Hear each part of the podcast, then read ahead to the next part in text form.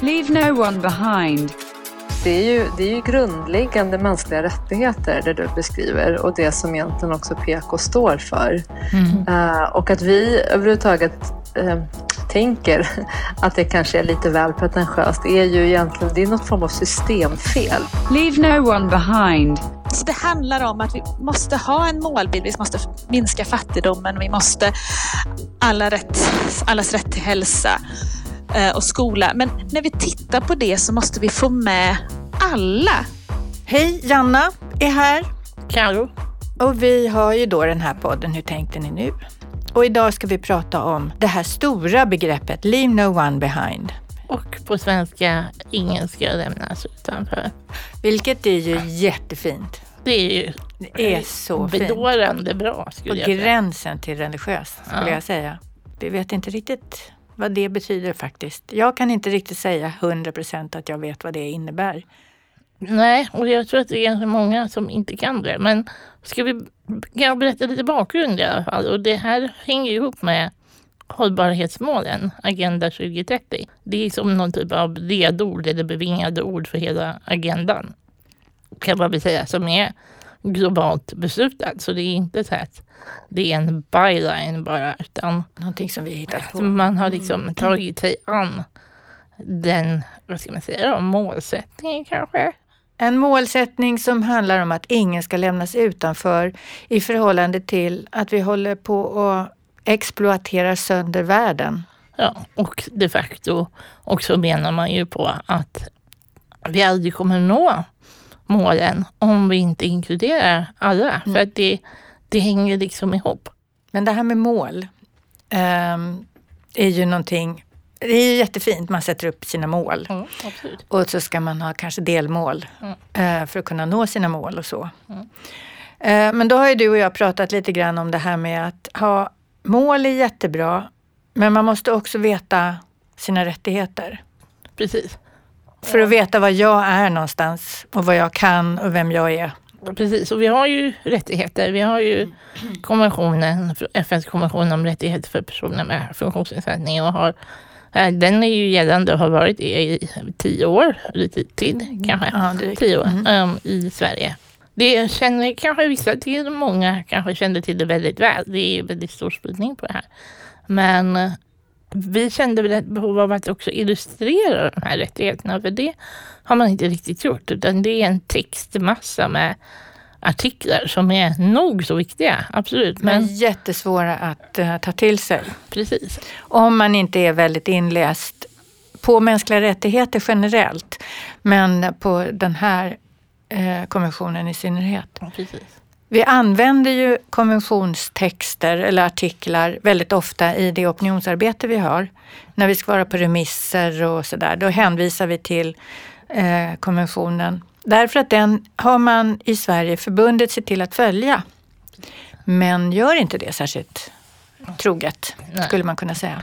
Nej, och vi från rörelsen har ju till exempel varit med bland annat och tagit fram nu en alternativrapport eftersom Sverige är ju skyldigt med jämna mellanrum rapportera till FN och berätta hur det går med det här arbetet. Och, och vår alternativrapport är ju väldigt kritisk i, i jämförelse med eh, den officiella statens rapport. Den finns att läsa, så den kan ni ladda ner ni som är supersugna på den. Och till det hör att den förra rapporten äh, möttes ju äh, ja, den fick en stor eh, spridning. Men eh, också att FNs eh, övervakningskommitté kritiserade Sverige väldigt, väldigt hårt mm. för att inte följa konventionen. Precis, på ganska så grundläggande saker som mm. till exempel diskriminering och lite sådana saker. Men för att komma tillbaka till de här, hur vi ville då belysa eh, de här rättigheterna. För att som vi sa, rättigheterna och agenda hänger ju ihop. Eh, så valde vi att ta fram illustrationer. Eh, vi fick kommunikationsstöd från Sida som handlar om att just påvisa hur man kan jobba med Agenda 2030 och rättigheter. Och det, alltså de som inte är så inkörda på det här med Agenda 2030 och mål, alltså det handlar ju om att det är också en internationell överenskommelse. Alla stater som ingår i FN har förbundit sig att eh, arbeta för de här målen. Mm. Och det som Sida är ju då ansvarig för att man gör det här i Sverige. Och då har de utlyst de här pengarna hur man ska att kommunicera ut de eh, globala målen. Som kan handla om jämlikhet, de kan handla om rent vatten, det kan handla om hållbara städer och så vidare. Mm, och det som funktionshinderrörelsen gjorde var att plocka ut, av de här 17 målen som finns så plockade vi ut nio mål som har direkt bäring på personer med funktionsnedsättning. Som vi sen kopplade ihop med 13 artiklar i konventionen. Precis. Så inte alla, utan de vi ansåg var kanske viktigast att lyfta först. För att kunna leva vidare eh, till målen, hur man ska kunna arbeta med målen. Och då, så här i veckan på internationella funktionshinderdagen eh, för inte så länge sedan. Den 3 december. Precis. Så eh, lanserade vi de här symbolerna mm. med ett vernissage som var jätteroligt och jättelyckat och väldigt roligt. Så har ni tur så kanske ni får se de här symbolerna eller den här vernissagen återuppstå på någon turné nästa år. Det är inte helt säkert, men kanske ni kan hålla alla fingrar och tummar och tår för att det blir så. Men de finns att ladda ner om man vill använda ikonerna eller bilderna Precis. på våran webb. Eh, man går in på globalarattigheter.dhr.se och så kan man ladda ner de olika eh, bilderna och med dem finns det också en liten text om vad artikeln innehåller. Och de är helt fria att använda. Precis, av vem som helst. Av vem och det är som helst. Tanken. Och som ett komplement så gjorde vi också ett spel. Ett kortspel? Ett kortspel, ja. Det är väldigt svårt men väldigt roligt att spela. Och det kommer man också kunna köpa tror jag. Ja, säger Anna här. Hon nickar. Hon säger inte ja, hon nickade lite. uh, och det kommer man kunna göra, köpa på vår hemsida. Och det tycker jag verkligen att ni ska göra. För det är ett kul spel för hela familjen som mm. man säger glatt. Kul spel för hela familjen som också ger kunskap. Precis. Ja, vi, är, rätt stolta som ni kan höra ja, över detta uppdrag som vi tog på oss själva. Ja, och vi har ju också insett att det är inte ett helt enkelt arbete utan vi måste göra ett arbete rent internt som organisation men också att eh, vi har sett att vi har en viktig uppgift i att eh, när vi är ute bland dem vi träffar och i de sammanhang som vi möter olika människor lyfta det här på olika sätt. Och vi hoppas ju att de här rättighetsikonerna och det här spelet kan vara ett verktyg för oss också i lärande och uppmärksamhet. För om inte vi sätter igång och börjar rädda världen nu så kommer det vara för sent. Så det, där, det är liksom utgångspunkten. Och vi kan ju också knyta an till dagens gäst kan vi väl berätta som mm. finns på Concord som har gjort ett eget arbete kring just Leave No One Behind. Att försöka ta fram en symbol för det arbetet och för att sprida just att ingen ska lämnas utanför som symboler och ikoner. Och det finns också numera att ladda ner och använda fritt. Vi vill prata med Sofia Svärvar som hon heter, som är policysamordnare på Concord. Vi vill prata med henne om vad det här faktiskt egentligen betyder. Lämna ingen utanför. Hej Sofia! Hejsan! Hej Sofia! Välkommen till podden Hur tänkte ni nu? Tack så jättemycket. Jätteroligt. Berätta för oss först. Vem är du? Jag heter då Sofia Svarvar och jobbar på Concord som är en eh, plattform för civilsamhällesorganisationer som jobbar med internationellt bistånd kan man säga. Och där samordnar jag arbetet med Agenda 2030 och de globala målen för hållbar utveckling. Mm. Lång introduktion. Ja, ja men det, det, det, är bra. Det är det du gör. ja. ja. Och ni har ju precis, har vi berättat lite tidigare här i programmet, hållit på med det här Leave No One Behind eller Ingen ska lämnas utanför uh, symbolerna. Uh, eller ja, kan du berätta lite mer om det? Ja men precis. Vi, vi brukar kalla det att det är liksom en ny ikon till globala målen-familjen. Alla de illustrationer som finns kring de globala målen. Men vi kände att det saknades någonting. Mm. Målbilderna finns där, men själva grunden i Agenda 2030 och som också står med i de första paragraferna i den här liksom FN-deklarationen är just att ingen ska lämnas utanför. Och det ville vi få fram. Så då startade vi ett projekt med att hur skulle en sån symbol se ut? Mm. Och den landade i en ring med olika färger som um, det ser ut som att det är människor faktiskt som står i en ring tillsammans. Mm. Men Sofia, vad, vad, vad, innebär nu då det här? Ingen ska lämnas utanför egentligen. Det står där i deklarationen och det står där av en anledning. Mycket för att ojämlikheten i världen, både den ekonomiska men sociala, alla, form, alla möjliga olika former av ojämlikhet ökar. Så det handlar om att vi måste ha en målbild, vi måste minska fattigdomen, vi måste alla rätt, allas rätt till hälsa Eh, och skola. Men när vi tittar på det så måste vi få med alla, alla utifrån sina förmågor och sina utgångspunkter. Eh, så därför blir det viktigt, det kan bli lite så svårt att ta på, men om vi glömmer den dimensionen i Agenda 2030 så är det lätt att bara hamna på målen och så missar vi att ändå få med väldigt många människor. För jag tänker i, i svensk kontext så eh, Sverige som land, är vi är ganska duktiga på att klappa oss själva på axeln och tycker att vi gör väldigt mycket bra, vilket vi säkerligen gör.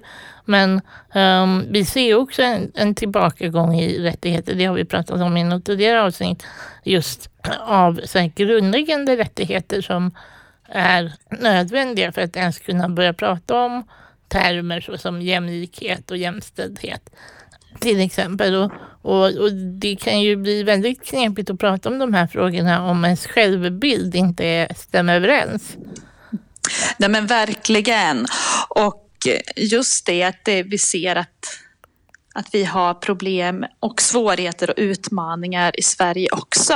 När vi som land då går till de globala diskussionerna eh, så behöver vi vara liksom, öppna med det, med våra utmaningar för att andra länder också ska kunna vara öppna med utmaningar och där någonstans kanske finna lösningar tillsammans. Och det är ju inte så enkelt för länder att, att vara öppen med de utmaningarna som finns.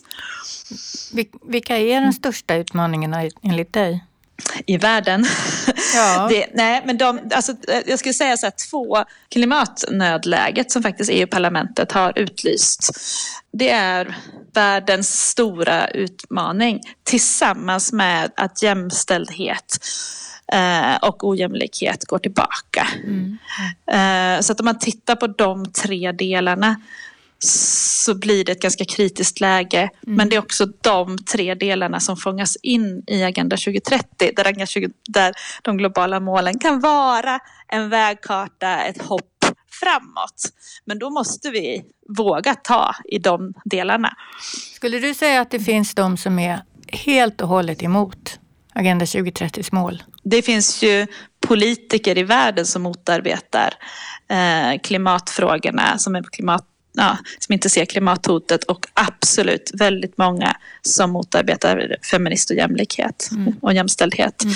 globalt mm. i världen. Ett exempel är Brasilien, den nuvarande president. In, alltså, tidigare var man väldigt på Agenda 2030. Nu eh, vill man inte vara med i de diskussionerna på global nivå längre. Så att det finns oroande tendenser och mm. därför är det viktigt att Sverige verkligen står upp. Mm. Men Sofia, vi ska mm. grunna vidare på det här du har sagt och vi är jätteglada för att du ville vara med oss i det här ja, programmet. Men, tack så jättemycket. Tack. Hej. Men vi, Janna, mm, jobbar ju ändå utifrån att det här är positivt. Eller hur? Alltså, gör vi inte det? Alltså, att ingen ska, lämnas, ingen ska lämnas utanför är ju en en bra målsättning. Ja, det är en det, väldigt bra målsättning. Vi, det vill vi ju någonstans och vi vill ju använda det utifrån dess positiva, faktiskt då politiskt korrekta bemärkelse. Mm. Men i och med att då PK då inte alls är särskilt bra klingande längre så kan det gärna, gärna kännas lite alltså pretentiöst. Mm. Istället, alltså upplevas lite så här. Både ja. pretentiöst och lite naivt, tror jag en del skulle kunna säga. Ja, Det också, kommer ju aldrig gå. Jo, också väldigt så här godhjärtat. Godhjärtat. Ja, men det är klart att ingen ska lämnas utanför. Hur tänker du då? Så. Ja, nej men och det, och det här laddningen som, den negativa laddningen som det här med att vara politiskt korrekt eller PK har fått. Ja. Det är ju ett skällsord. Eller en skälls... Ja, Ja, det har ju blivit så. Eftersom man, till och med vi, när vi håller på med det här och, och tycker ändå att det är bra och tänker att oh, vilken skjuts vi får här från FNs, det var det bara inte generalförsamling utan deklaration här som till och med säger att ingen ska lämnas utanför. Hörrni, alla länder har skrivit under det och det är någonting bra. Så blir man ändå lite så här squeamish och känner att nej, okej. vad är det vi är rädda för? Ja, men hur, hur, hur får bli- vi det att inte då vara den negativa PK-stämpeln? Mm. Och det här, de som styr upp den här PK-dagen borde ju veta någonting om det här. Vi ringer till eh, Parasto Backman som eh, är en av grundarna till PK-dagen en gång för några år sedan. Hej Parasto! Hej. Du, varför gjorde ni det? Startade någonting som heter PK-dagen. Um, jo, men till bör- vi började inte med att starta någonting som heter PK-dagen utan vi, eftersom jag är grafisk formgivare och även min kollega Hanne Lindberg som jag eh, eh, gjorde det här projektet tillsammans med eh, så tänkte vi att, att vi ville använda oss av de verktyg som vi har, det vill säga visuell kommunikation. Och då började vi med att eh, skapa en eh, Facebook-sida utifrån att vi, han och jag då, har, har eh, diskuterat fram och tillbaka varför vi i olika sammanhang liksom blir kallade för PK. Och då, inte, då, inte som något positivt utan som någonting negativt, mer som ett skällsord. Så. Um, och, och och då förde vi den här dialogen med flera, med folk runt omkring oss som eh, upplevde lite samma sak. Och så tänkte vi att, men det verkar ju jättekonstigt för att om man slår upp PK och vad PK står för så Oxford Dictionarys definition av politiskt korrekt är, och då citerar jag, att undvika uttryck och handlingar som exkluderar, marginaliserar eller förolämpar vissa etniska, kulturella eller andra grupper. Det är alltså vad politiskt korrekt betyder enligt om man, om man liksom slår upp det. Och då var det ganska svårt för oss att få ihop att det kan användas som någonting, som ett skällsord, som att liksom tysta ner en debatt eller så. Ehm, och då tänkte vi att, att vi kanske ska försöka ta tillbaka det här begreppet till liksom det ursprungliga syftet eller så. Och då så startade vi en, en, som en, en kampanj med en plattform i, i sociala medier och det här var fem sex år sedan ungefär. Det politiska läget var ju inte lika illa som idag men ändå vi började ju känna av vissa strömningar um, och då kändes, det ganska, då kändes det viktigt för oss att testa, se vad vi kunde göra. Uh, och då var, det ganska, då var det många som slöt upp. Och sen den här PK-dagen då, den kom ju senare. Det var väl kanske tre år sedan tror jag vi startade PK-dagen och då var det framförallt den här kommunikationsbyrån som heter Madder uh, som vi, vi lämnade liksom staf stafettpinnen lite över till dem. Och nu känns det bara på ganska kort tid som att det ändå är ganska etablerat på olika håll. Um, det är ing- inget som står i kalendern kanske men det är ändå, det är ändå många som uh, har, har koll på det um, på ett annat sätt. Men skulle du säga att den här negativa laddningen runt PK har försvunnit eller är det inom vissa kretsar som man använder den? Eller? Nej, alltså som det var när vi startade det här eh, projektet eller den här kampanjen, då var det ju framförallt mer höger om höger eh, personer som använder det, mm. framförallt i socia sociala medier, mm. som använder det som en sån debattdödare eller som ett, som ett skällsord. Och jag skulle säga att det, att det fortfarande används på det viset i vissa kretsar, eh, absolut. Men, men det känns som att diskussionen runt PK som begrepp kanske har förflyttats. Det är, det är liksom andra termer idag som man väljer att eh, gå på. eh, som identitetspolitik till exempel, eller, inte, eller så här, normkritik och intersektionalitet och sådär. Mm. Um, så att det, det, blir liksom, det blir som att man utgår ifrån en term som från början eh, har en funktion eller en betydelse och sen eh, ja, strategiskt använder man det till någonting annat. PK framförallt är ju så. Och jag skulle inte säga att vi lyckades eh, till 100 procent med den kampanjen men däremot så drog vi ju till oss en del det, vi skapade väl en dialog kring det. Mm. Uh, så att det var inte lika lätt att använda det som skällsord längre när, när folk blev medvetna om den strategin. För vi upplever ju lite när, när vi då, om vi tar det här ingen ska lämnas utanför så är ju det, mm. För oss är det en väldigt självklar målsättning. Vi tycker mm. det är bra.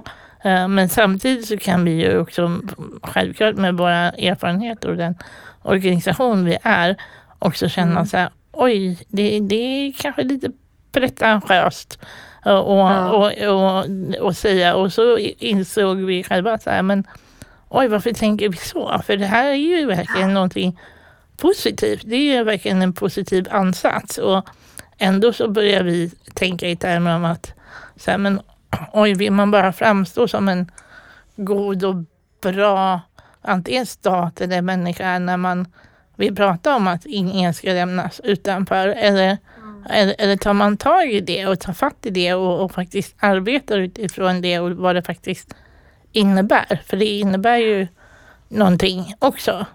Ja, men jag tänker att det är, ju, det är ju grundläggande mänskliga rättigheter det du beskriver och det som egentligen också PK står för. Mm. Uh, och att vi överhuvudtaget uh, tänker att det kanske är lite väl pretentiöst är ju egentligen det är något form av systemfel i det, mm. tänker jag, som vi alla är präglade av mm. på olika sätt.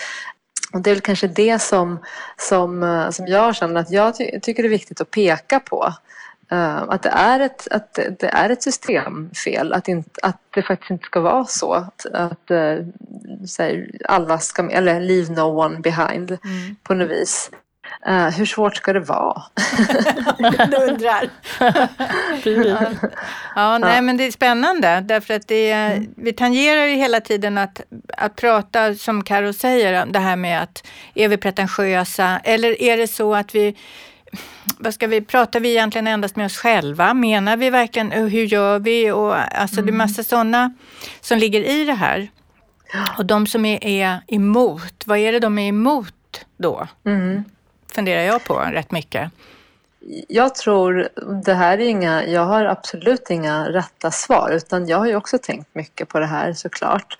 Och jag tror så här att ofta när det är när, när, när vi har en struktur som ser ut på ett visst sätt där det är vissa personer som är, som är normen och privilegierade eh, och som bara kör på som vanligt. Mm. Eh, då är det enkelt och bekvämt och skönt för dem. Men sen så kommer det kanske marginaliserade grupper som säger så här, men hörni, det här verkar ju tokigt. Mm. Varför ska det vara så här för er och inte för... Ja. Mm. Och påpekar det. Och då blir ju den här gruppen, då tänker de så här, ja men det låter ju bra tills det blir så att det faktiskt påverkar deras ja. vardag ja. och deras ja. pengar och deras vad det nu än är. Mm. Och då, reagerar, då tänker jag att det, att det reageras på på olika sätt mm. uh, och vis. Uh, även om personen i fråga, eller personerna i fråga egentligen kanske inte skulle formulera det så. Mm. Men när det inkräktar på ens egna sfär på något mm. vis i det här ganska individuella samhället som vi har så tror jag att det, äh, att det känns äh, krångligt och svårt. Mm. Och ju högre upp det kommer, kanske mer som ett hot mm. också.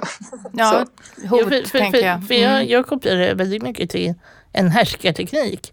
Äh, ja. Egentligen utifrån vad du säger, just det här att det blir det, det, blir väldigt lätt att vända det man försöker föra fram som positivt och viktigt till någonting som att nej nu, nu blev det jobbigt och nu blev det svårt att prata om så då gör vi inte det. Ja. För att det, då, då, då kan vi inte bibehålla status quo så att säga.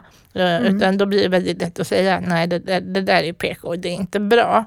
Mm. Eh, och tappa just den här bilden som du sa att det är en positiv andemening och det är det man ska lyfta fram och fortsätta våga lyfta fram. Ja, för det där tycker jag är viktigt som du säger, att man ska fortsätta våga lyfta fram. För att det krävs ju ganska mycket mod att faktiskt gå emot status quo. Alltså, för att det är, för att det är lite störande att vara, att vara den som vill eh, bredda eller liksom göra plats för mer på något vis. Eh, Det är, det är, inte, det är inte så lätt, alltid. Det är inte lätt, men det är viktigt. Ja. Det är viktigt att vi gör det. Och det är jätte, jättebra. Nu fick vi många, många mer saker att fundera över tycker jag, tillsammans med dig. Ja, nej, men vad Ja. kul. Tack så jättemycket Per Hasto Backman. Det var väldigt roligt att få prata med dig. Hej! då. Ehm, det här var ju spännande Janna. Ja, det var urbra. Och jag, fick lite, jag blev lite taggad. Jag blev också väldigt taggad för att jag tror um, vi kom ju någonting på spåren här mot slutet. För att det är ju precis det som uh, berättigar vår existens. Mm. Alltså som organisation menar jag nu, DHR. Uh, att vi faktiskt är på helt rätt väg. Som faktiskt vågar uh, lyfta de här perspektiven och måste fortsätta göra det på det sättet vi gör och inte bli så enkelt och lättvindigt tystade. Nej. För det är det vi kanske blir och det är väl jättebra att framförallt vi blir varse om att det är eh, så strukturellt. Mm. Att Ja. det är en strukturell härskarteknik som finns. Att, att tysta det vi försöker lyfta som positivt och viktigt och självklart till uh, någonting som man inte kan prata om eller som en utopi. Ja, nej, men det här gav eh, energi tycker jag och det eh, känns bra. Det känns jättebra. Eh, Det är väl bara att eh, fortsätta helt enkelt. Vi kör Fortsätta. på. Och vad ni än gör, lämna ingen utanför. Så Och våga vara PK. Och våga vara PK. Vi ses nästa gång hörni. Ha det gott. Ha det bra. Hej hej! Hej hej. Hur tänkte ni nu? är en podd från DHR. Ansvarig utgivare, Janna Olsson. Hur tänkte ni nu produceras av Filt Hinterland för DHR.